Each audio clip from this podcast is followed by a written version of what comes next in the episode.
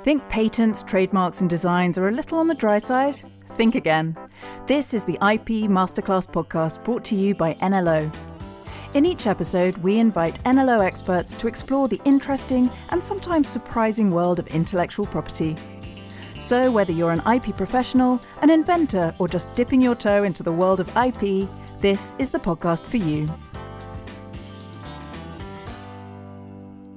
Welcome back to the NLO IP Masterclass. I am your host, Nadia Freeman. Last time, in part one of this masterclass on intellectual property and AI, we explored some of the big picture issues, including AI, inventorship versus ownership, and whether there's a future where AI will be granted their own patents. We talked about patent trolls and patents versus the life cycle of tech products, among other issues. If you haven't already heard it, I recommend you go back and have a listen. It really was an interesting discussion. But today, in part two, Harm van der Heijden and I are going to dive into some of the more practical considerations of patenting AI for companies and innovators and discuss some of the latest and upcoming developments in this area. Harm van der Heijden is a partner and Dutch and European patent attorney at NLO and expert in the fields of electronics, communications technology, and software. He's the author and co author of multiple papers in the area of patenting AI, including for the prestigious IAM magazine, and is a leading member of the NLO AI Task Force. But more on that later. Welcome back, Harm. Thanks. Nice to be back. so let's get stuck in. Um, let's let's just imagine I own a tech company that's developed what we believe is game-changing software for machine learning, for example, and we're exploring the option of applying for a patent to protect our intellectual property. Where do we start? I want, I want your 101. well, that, that, might sound a bit like a like a self-serving comment, but I, I, bear with me. Really, you sh- what you should do is is talk to a patent attorney at, at a fairly early stage uh, of the proceedings, because um, unlike some areas of technology, uh, it can be pretty hard to assess whether or not what you're doing uh, in, in, this in this sphere is is patentable uh, or not, and whether you should patent it or not. Uh, things used to be quite simple. Eh? If you uh, if you are uh, working in Switzerland and you you make cuckoo clocks, then um, and you you figure out a way that that you build a cuckoo clock with one gear less than than you had before, then you can be pretty sure that um, you save on the bill of materials and that that is a patentable invention because it's it's a technical uh, a technical achievement that you uh, make that little bird appear every every hour with just uh, with just nine gears instead of ten or whatever number of gears is in a, in such a clock. Uh, so there there your gut feeling will really be quite quite well aligned with um, what the patent law actually uh, makes possible. So as long as what you did there with the, with the cuckoo clock is uh, novel and inventive, you will you will be able to get a patent on that, and then you it's your option. Do you want to do it or not? Is it commercially of interest to to make those costs? Uh, now, if you turn to uh, the different field, the like well, artificial intelligence or uh, machine learning uh, of software in general, then it can be quite quite difficult actually to assess whether or not you you actually you even can get a patent, even if you want to make uh, spend all the money in the world that you have on it. Um, for, for, example, and that is something that I touched on on last time as well. The the case law has developed in sometimes in well not not really arbitrary but maybe unexpected or non-intuitive uh, ways. Uh, so if you have let's take an example of an, uh, something that happens quite frequently uh, people build an artificial intelligence uh, machine or algorithm that, that can do uh, that can sort through massive amounts of data and then make interesting selections. Now, if you were to use that in a field, um, for example, you, you, you have that artificial intelligence sort through lots of data about uh, substances and um, uh, and, and then you use it to pick substances that might be useful to treat a certain disease then that is something that is that is patentable. That is something that the patent office will recognize as a technical achievement. However, if you do almost if you have basically the same type of algorithm, but you you make it sort through uh, like stock market listings uh, and company information to to pick out companies that you should invest in uh, that you should invest in in the stock market, then um, the patent office will say, well, that, that's that's a business method, and even though if you do it with an artificial intelligence, that is we still consider that not a technical uh, field. And so, but as a layman, you would be perfectly justified in thinking, hey, I, I built this artificial intelligence, I put a lot of uh, put a lot of effort in it. I really had to overcome many difficulties uh, to get to to the grades uh, to, to the point where I am now. So uh, it feels like I, I made an invention here Why it feels like yeah. it's it's just the the difference in, in almost like the data input is different rather yes. than the the technology itself. Yes, and it depends a little bit from jurisdiction to jurisdiction. Uh, in Europe, it's handled a little bit differently by the patent office than in the US, for example. And China will do uh, do it in a different way again. Uh, and so and that is really where as a layperson you you uh, your gut feeling is not to be trusted and you should talk mm. to a, to an expert in the field uh, to to get good advice on whether you can protect it or not um, we I think we we did talk a little bit about this last week um, you know this this idea of most jurisdictions exclude pure AI algorithms um, that don't have an application to technical technical problems. And if that was the case for my particular technology, what what then? What could be an alternative approach if, if that's not something that's actually patentable? How, or, or at least how can you show that your AI invention is, is more than just a mathematical method? Yes, that is indeed uh, something that we touched on last uh, last time with um, indeed the, the case law how it has developed, uh, which I also just mentioned, that from from a long time ago, business methods were excluded. Uh, also, uh, pure mathematics is excluded. Eh? So if uh, if you are like an ancient Greek uh, Pythagoras uh, born today and you figure out Pythagoras theorem and you would be the first to do it, you you would not be able to get to get a patent on it. Only the glory. mathematics. you get only the glory. you get uh, to, to name the. You get to to basically be the, the enemy of of uh, all uh, students in high school forever. but, but uh, yeah, you you cannot. Um, you cannot patent basic uh, fundamental math, and I think also most of, of society would agree that that's a good idea because uh, also math is not something that you invent; mm. it's al- it's always there. It's, it's just something that you more Captured, something that you yeah, discover yeah. rather than invent.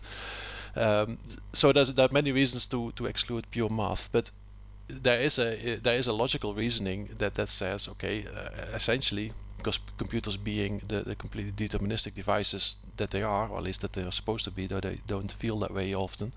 Um, but as a completely deterministic device, you might say a computer is like the embodiment of, of a mathematical uh, uh, algorithm. So, or at least a computer program is so you cannot protect the computer program by, by extension. And at some point, uh, this this no longer holds true, and the, the, the division can be quite fake. Mm. But it might happen indeed, and especially with art fundamental artificial intelligence algorithms, like really the fundamental convolutional neural networks, that are now basically powering the, the latest uh, revival of, of the artificial intelligence uh, technology. Uh, you, you generally cannot patent them, patent them because they're considered really uh, purely mathematical. And then what can you do? Um, usually the first thing to do uh, is to, to look for an application because usually uh, you, you cannot patent the mathematics, but you can usually patent the the the, uh, the application that you mm-hmm. use those mathematics for. So that that would be a way out. But if, if all all of that fails, um, then you could also simply decide to keep things secret. That is always an option. Mm. It's um, it's it's a dangerous option in a sense. Uh, it's it's the it's, it's easy in the sense that you don't have to actively do anything, the danger, of course, is that if if the, uh, the, the technology is revealed somehow, for example, because your competitors reverse engineer your product, or because you have an ex-employee who uh, basically goes to work for a competitor and, and, and spills all the secrets, then of course that that gets out of the bag and you'll never get it in the bag again. So, so there is uh, there's a drawback to to keeping things secret, but it, it is certainly uh, an option and that's so, that is also anything that an honest patent attorney and, and, and I like to think that I am one would always yeah, discuss advice, with their yeah. clients. Eh? You, you don't have to patent. Eh? Uh, some some clients have the misconception, for example, um, which um, which is really something that is important to, to point out then to them. You don't need to have a patent to practice your own invention. It's just a patent is a tool that allows you to exclusive exclusivity to practice your own invention, or you at least you it gives you the power to to grant or deny others to practice your invention. But it's not as if you needed to practice your own invention. So going going back to what we were talking about before, um, some companies are using their financial power to lobby governments to change the law on patenting AI. In, in you know this idea of mathematical algorithms being fundamentally patentable. Do you do you think that's a, a good or a bad thing or? Uh, well, I would say in principle, any lobbying is, is by definition you try to circumvent the democratic process. So it's it's a fairly shady business, I would say, but it's also a fact of life. Uh, it has been uh, done forever, and it will be done uh, also forever as long as it's not outright illegal. And of course, it's not outright. It, it, can never be illegal to make your your standpoints known, and that is effectively what lobbying is. Of course, is to make make your standpoints known. Uh, is it? Yeah, it's it's an interesting uh, topic. Um, something that, uh, of course, it's large companies have better uh, means to, to make their standpoints known for, through lobbying than, than smaller companies, so they, they have a little bit of an advantage there. Um, they, I, am not sure that they are doing very much in terms on the patentability of AI per se. Um, a while ago, there was there was some some discussion on, on, on the patentability of software that, that seems to have settled more or less uh, along the lines as it was, as I just outlined it, so that pure mathematics you cannot patent, but if it's a specific application in, in uh, that is embodied in, in in a computer program executed on a, on a device, then you can patent it. And I think that seems to be uh, a compromise that that most most companies and most people uh, find find practical. And yeah, in terms of lobbying, for example, last uh, last time we spoke about the the trolls or the non-practicing entities. Uh, th those are really um, you see you see from time to time you see some lobbying going on. Uh, usually when the when the term uh, trivial lawsuit falls, then uh, in terms of in, in, in connection with patents, then there's usually uh, some some troll uh, uh, being being targeted, and yeah, large companies would like to to have better protection against those non-practicing entities. But as I also pointed out last time, last time and you I think you you nicely captured it in by saying that uh, yeah one person's troll is another person's uh, cavalry or, or, white knight. Uh, because these these these non-practicing entities they also serve a purpose. They they are able to litigate patents on behalf of small uh, small patent owners that that otherwise would lack the means to to uh, start multi multi-million dollar lawsuits against large corporations because that's what in many jurisdictions uh, these these patent lawsuits simply cost. So uh, well, we, we digress a little bit from the point, but uh, to come back to the question of lobbying, yeah, it's something that that always happens. Uh, we, as a professional group, do it ourselves, of course, uh, in in certain ways. We, for for example, later on, I would like to talk a little bit about case law, and when when big issues come up before the, for example, the Euro European European Board of uh, of Appeal, uh, so that that decide on on matters of case law then also as a patent attorney, as a group, we, we usually send in our uh, opinions, um, some something called in Latin uh, amicus curiae uh, letters. Uh, I probably pronounced that horribly, but those are uh, it's a dead language. Don't worry, parties. open for interpretation. and uh, so they will um, uh, so so they yeah so then the, everybody really tries to to influence everybody else i'm i guess i'm saying well in a, in a and, sense i mean yeah. you could you could argue it lobbying is also a way of bringing some clarity into the law yes. isn't it in instead of just relying con- constantly yeah. on case law it's it's a way of uh, of, yeah. defining some of the things that are, that are big gray area, which ultimately costs a lot of money. Yeah, fundamentally, if you say lobbying is just making your viewpoints known, nobody can disagree with that. Huh? The, it, it, if you write a letter to your uh, to your member of parliament, then you you might say you are lobbying as well. It's just that uh, large corporation, corporations with deep pockets might have an unfair advantage uh, uh in, in this field. Mm. Um, last time we also discussed this idea of the life cycle of tech products, and I, I think you talked about how actually um, it's not necessarily a problem um, when it comes to patents. But is is the speed of innovation something that a company a company should take into consideration when applying for a patent? You know, is if, if AI is evolving so fast, is it something for a company to consider? You know, the what what is the advantage of applying for a patent, which may take quite a long time to process? Yes, it's um, that's that's an interesting interesting question. There's there's a couple of concerns or, or um, things that to consider when you when you uh, judge the question do you, do you want to file for a patent or not. Uh, one of them is of course how long do I plan to use this technology. Um, typically you like to go for technology that has some staying power. So like we discussed last time, if it's if it's really a fundamental technology, then uh, even though the product itself might come and go, but future generations of the same type of product will still use that, that fundamental technology, then then it would be very attractive to have a patent on that. If you know that this is really a one-off or something that you do temporarily because you, you have to, to address some sort of uh, temporary issue, then you can then then you might consider, but this is not worth patenting. Um, but yeah, the broader picture is of course there, there are more factors in there. Um, another uh, factor is of course uh, what what is the chance that somebody else will will uh, will a competitor will want to use this technology and should I have the option to block them if that is something that you you want then you should get a patent.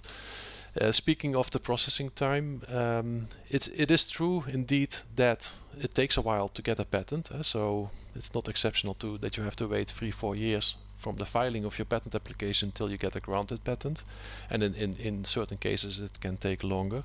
However. Um, yeah, that is why people say patent pending. Once that patent is in the pipeline, uh, you have effectively said, uh, this is my technology, or I, I, expect this to be my technology quite soon. And any company that wants to start using the technology, even though your patent is not granted yet, you cannot technically stop them in their tracks right at that moment. Well, companies are not stupid. They see, okay, so this patent is pending, or you tell them about your pending patent, and they think, yeah, I can now build this I can now make this big investment, build this factory or do whatever, and then two years mm. from now or maybe next year, this this mm. guy will come along uh, with his patent in hand that he uh, is, has freshly granted, and he will ask me to stop, or he will ask for license fees or whatever. Let's not do that, or let's negotiate a license now so that we have clarity going forward. So even though the thing is not granted yet, it's still pending. You, you, it's still, uh, it's still a power factor in this. Uh, in this so, despite equation. the time lag, it's a way of of putting your stake in the ground and saying, here we yes. are, we've arrived, yeah. this is ours. Yes, and in fact, uh, the, the, the larger players, uh, the larger clients, they actually like uh, the fact that the patent granting process is takes a, takes a while because uh, it also postpones some costs that, that are related to the grant of a patent, and uh, so they, they know okay once I filed it and it, the thing's in the pipeline, the technology is basically protected even though you can't ah, enforce it yet, yeah. and to postpone all the all those costs. For for example, if you have a European patent granted, uh, once you grant it, you have to make a few costs to to validate it in different countries, to to file some translations, things like that. All very uh, formal stuff, but that takes takes some money. Well, they like to think, oh, let's let's postpone it a bit into the future, because the, the filing date is what counts. So that's also something something for my little imaginary tech firm to keep in mind. um, we we talked a bit earlier about um, about uh, the threshold of, of when something is patentable, AI is patentable. Um, but let's imagine that my tech meets that threshold for patenting. But what could there be a scenario when you say, yeah, okay, but mm, this might not be the way forward for you? Yes, we, we touched on a few already. Yeah, so um, if the technology is is temporary, maybe you don't want to do it. Uh, another big one is um, if it's difficult to to detect infringement. So because uh, like well, th this goes back to the to the old deal. Um, the, deal of a patent like, like that we touched on uh, previously is uh, you, you fully disclose your technology and in exchange for that the, the government will give you a temporary uh, monopoly on your invention. However um, if uh, so let's if you do that you have this temporary monopoly you can only enforce your your rights, your your uh, monopoly rights, if you know that somebody is infringing, and if if it's possible for infringers to to carefully hide what they're doing, and in, some cases that's possible, in some cases it's not. Eh? Uh, going back to my QQ clock uh, uh, example, um, yeah, if, if some uh, if some competitor of that inventor starts also making uh, cuckoo clocks with nine gears instead of ten, uh, using the same using that patent technology, it's fairly easy for for that inventor to to figure that out. Yeah? You just buy one of those competing products, take it apart, count the gears, and see if they are arranged in the way that was patented, and then he says, oh, this this guy's infringing, let's let's file a lawsuit.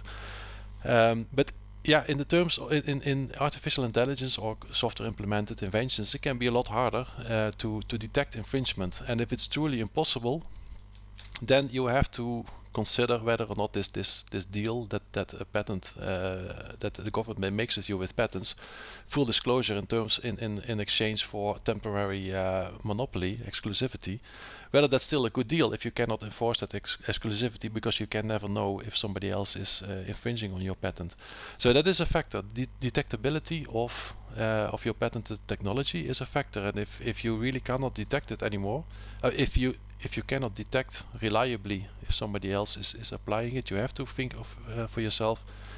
Yeah, you cannot count on the honesty of others to to basically confess if they are using your invention. And even though there are legal means uh, available sometimes to to find out if somebody is uh, if uh, somebody is infringing on your patent. Eh? For example, there's there's disclosure there. You can have um, there's, there's various ways to that you can discover if uh, if somebody is infringing, but it's it's typically quite hard.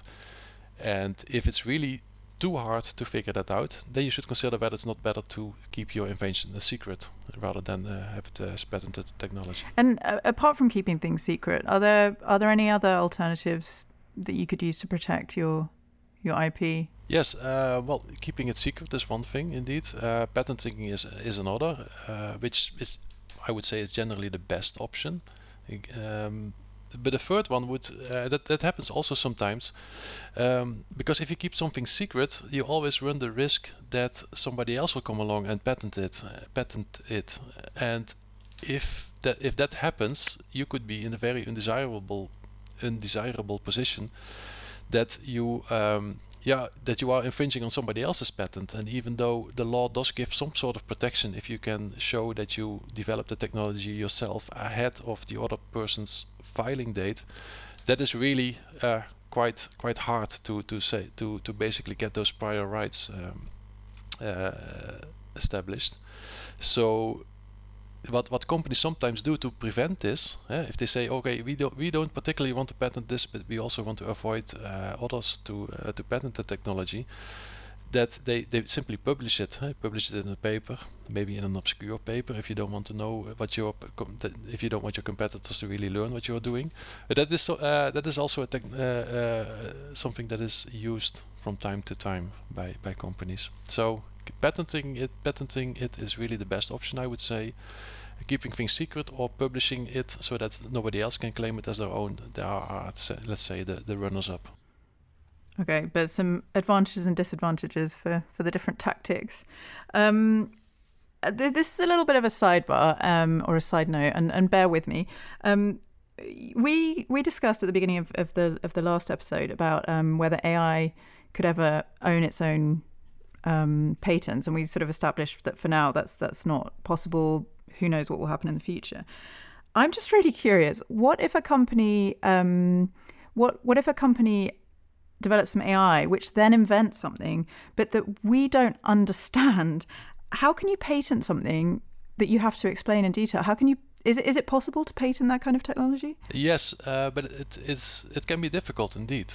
Um, and that's that is another thing where where basically the, the case law is still uh, somewhat developing, and nobody knows exactly what uh, what is the right approach.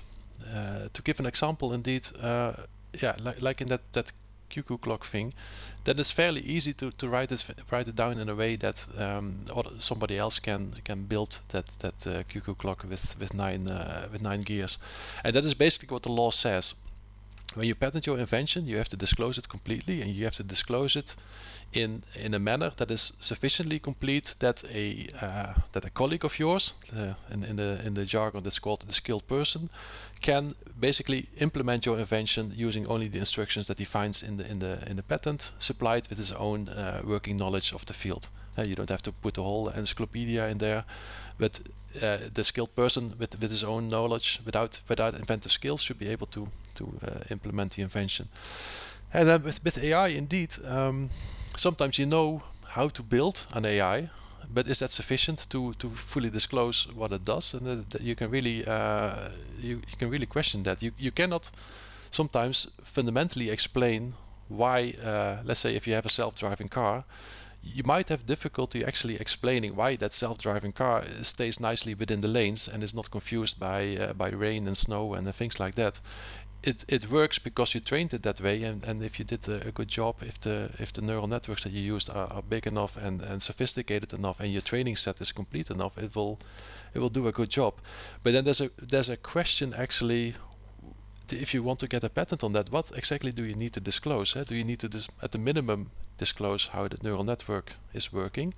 But um, like I said last last time, when you start out with a neural network, it's basically uh, yeah a whole bunch of parameters and they're all set to zero as part of the training. Those billion or trillion parameters they, they are set to their own unique value based on the training set and the training procedure.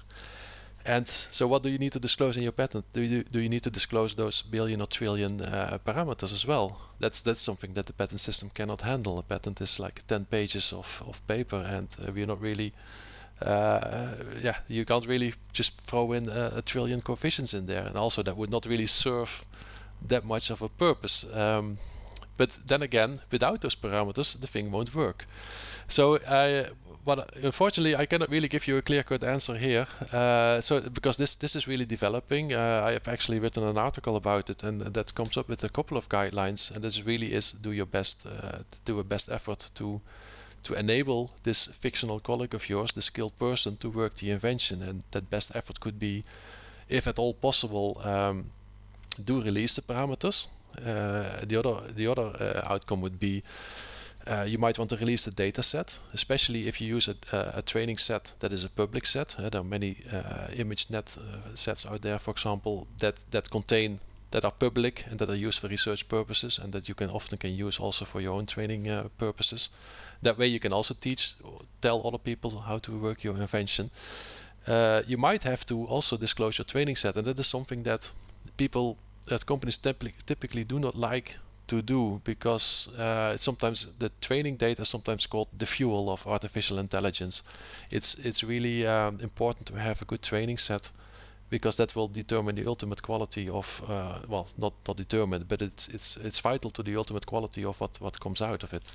So. Um, and if you would have to disclose that as part of your patent application, that would be, uh, yeah, that, that that would not be maybe not not be very popular probably we will strike some uh, some balance in between that you you have to give a, a, good indication of how to build a training set that is sufficient to train an algorithm that does to, to do the things that you promise to do uh, that that the algorithm can do in your patent. But that is something that is still under development so it's an uh, interesting topic to uh, to keep track of. And another well just to put in another blatant uh, self-serving comment that is really something that you should talk to talk uh, about with your patent attorney because then uh, he or she can advise you on on what what you really need in order to have a full uh, disclosure of your invention in the patent application. I think this this issue keeps coming up again and again that, that there, there is this this big um, this lack of clarity and this this grey area whether deliberate or not. Um, are there any interesting cases or latest developments or rulings that that are coming up that, that will clarify some of these issues? Yes. Um, every time basically uh, when somebody gets a result from from the patent office that that that he or she as an applicant of a patent application doesn't like they will appeal and uh, in appeal that that result will be uh, examined again uh, in, in detail and there will be a decision will taken will be taken and that decision will be positive or negative and will often be be accompanied by some comments from this this this particular thing should be looked at this or th this way and sometimes these these decisions they um, they they well they basically give clarity on on how to deal with a particular type of technology or a particular type of invention. Uh, so this case law is really important. Uh, as we discussed last time, on purpose, the, the, the, the people making the laws, uh, whether or not they were they did that because they were, were lazy or because they, they knew that it's better to leave these things to case law, I don't know. But they, they leave many things not filled in. Eh? Even basic things like what is technology, what, what are fields of the technology, they are they simply don't say. Uh, they simply say you can get a patent on the fields of technology and, and, and uh, effectively they say the case law will figure out what exactly is a field of technology. And that's probably a wise decision because um, these laws, they are made for example, the European patent law is is you have to get uh, 30, 30 to 40 countries um, aligned to support one one basic uh, text of law. So you, you, do that. Yeah, you do that once every few decades. I think the the European Patent Convention was created uh, in the 1970s, and there, there there have been one exactly one major revision in in the in the year 2000, uh, some sometime in the 2000 so this, these these laws are really inertial. So um, it, it makes sense that that you that that things that develop well small uh, at a faster pace than let's say a continental drift that you try to take them out of the law and, and put them in, in, in the hands of, of the of the legal bodies so that the case law can shape them so so there's there's lots of things in case law, and sometimes uh, there are bigger decisions coming along, especially when, for example, the the lower level decisions start to collide. Then, but what will happen is that, uh, especially in Europe, there's a procedure that they say, okay, now this case law is conflicting.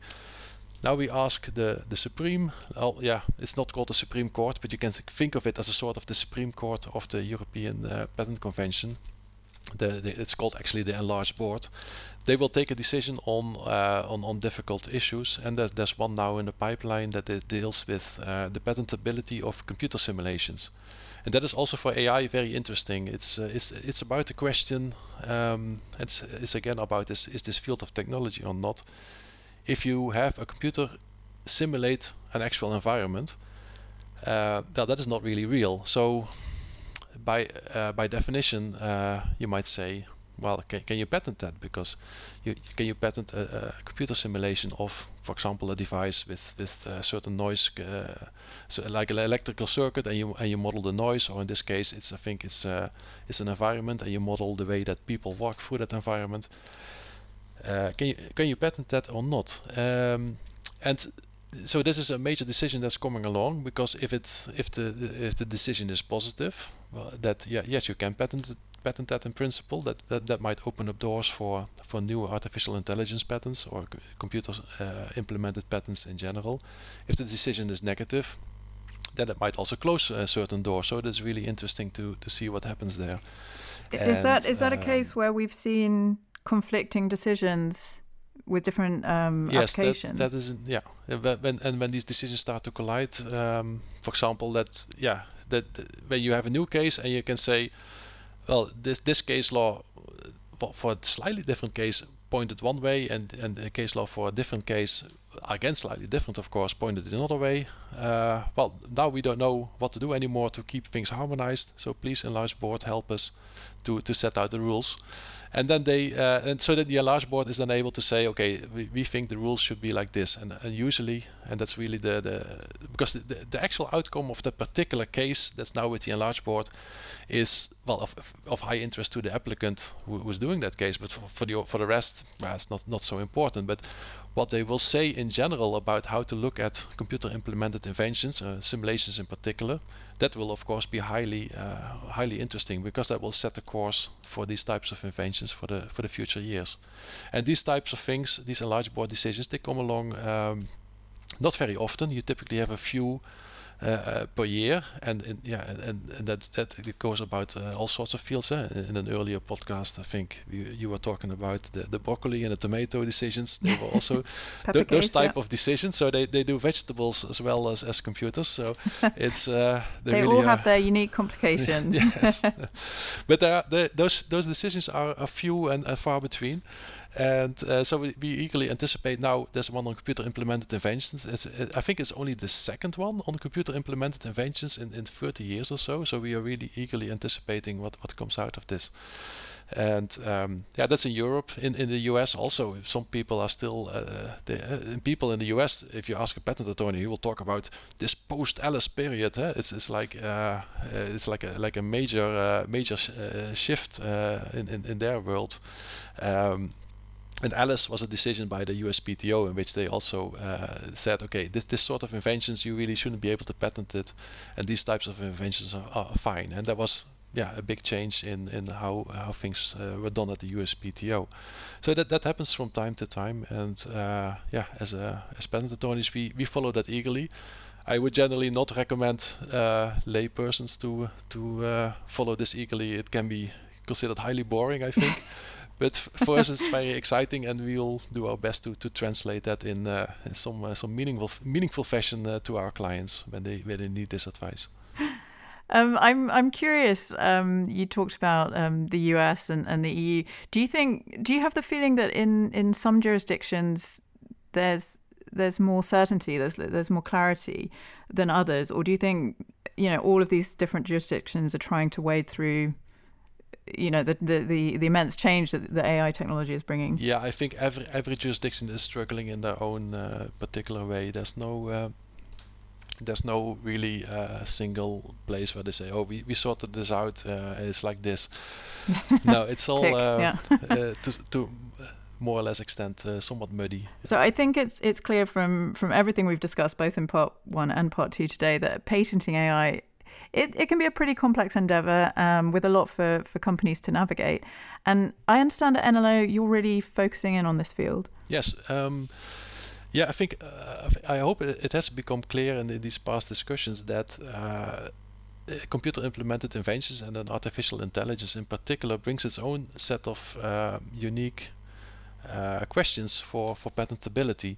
At the same time, the, the underlying technology is often not in the in the telecom field. It's often oh, sorry in the software field. It's it's often well it's often in telecom or computer implemented inventions, but also very often it's in biotech or in chemistry, uh, pharmacy. Uh, so what you see here is that. Um, you really need a multidisciplinary approach. So traditionally, patent attorney firms like like ours uh, are uh, organized along the lines of there's a group that does biotech, there's a group that does pharmacy, there's a group that does uh, uh, me mechanical engineering. There's a group that does telecom, software, uh, electronics, things like that. And that approach does not really work with artificial intelligence. So what we what we did at NLO is we created a task force that um, where we recruited people who have a background and understanding of artificial intelligence, both as a technology and also as in, in terms of the patent law and we we can connect those people with experts in the in the respective field. So if something comes up comes up in, in biotech, I might uh, uh, use I, I might work with a colleague from from the biotech area on, on on that particular problem. So I would take care of the artificial intelligence end of things and the patentability there, and that colleague from biotech would would work on the uh, basically the biotech aspects, and that way we can deliver the best possible advice to our clients. Fantastic. Um, thank you, Harm, once again for sharing your insights and expertise. Plenty of useful food for thought for our listeners. Um, as we've discussed, patenting AI, it can be a really tricky field to navigate, but of course, the NLO experts are ready to help and a great place to start for advice. Um, you can get in touch by sending them an email at ai at nlo.eu. Thank you very much, Harm. Thank you for listening, and don't forget to join us for the next NLO IP Masterclass podcast. If you like what you've heard, hit subscribe and please share it with anyone who you think might find it useful. And don't forget to check out our other podcast series, the NLO Patent Case Law Podcast, which delves into the latest interesting developments in case law from the European Patent Office and national courts. And for more interesting articles and information on patents, trademarks, and designs, please head on over to nlo.eu.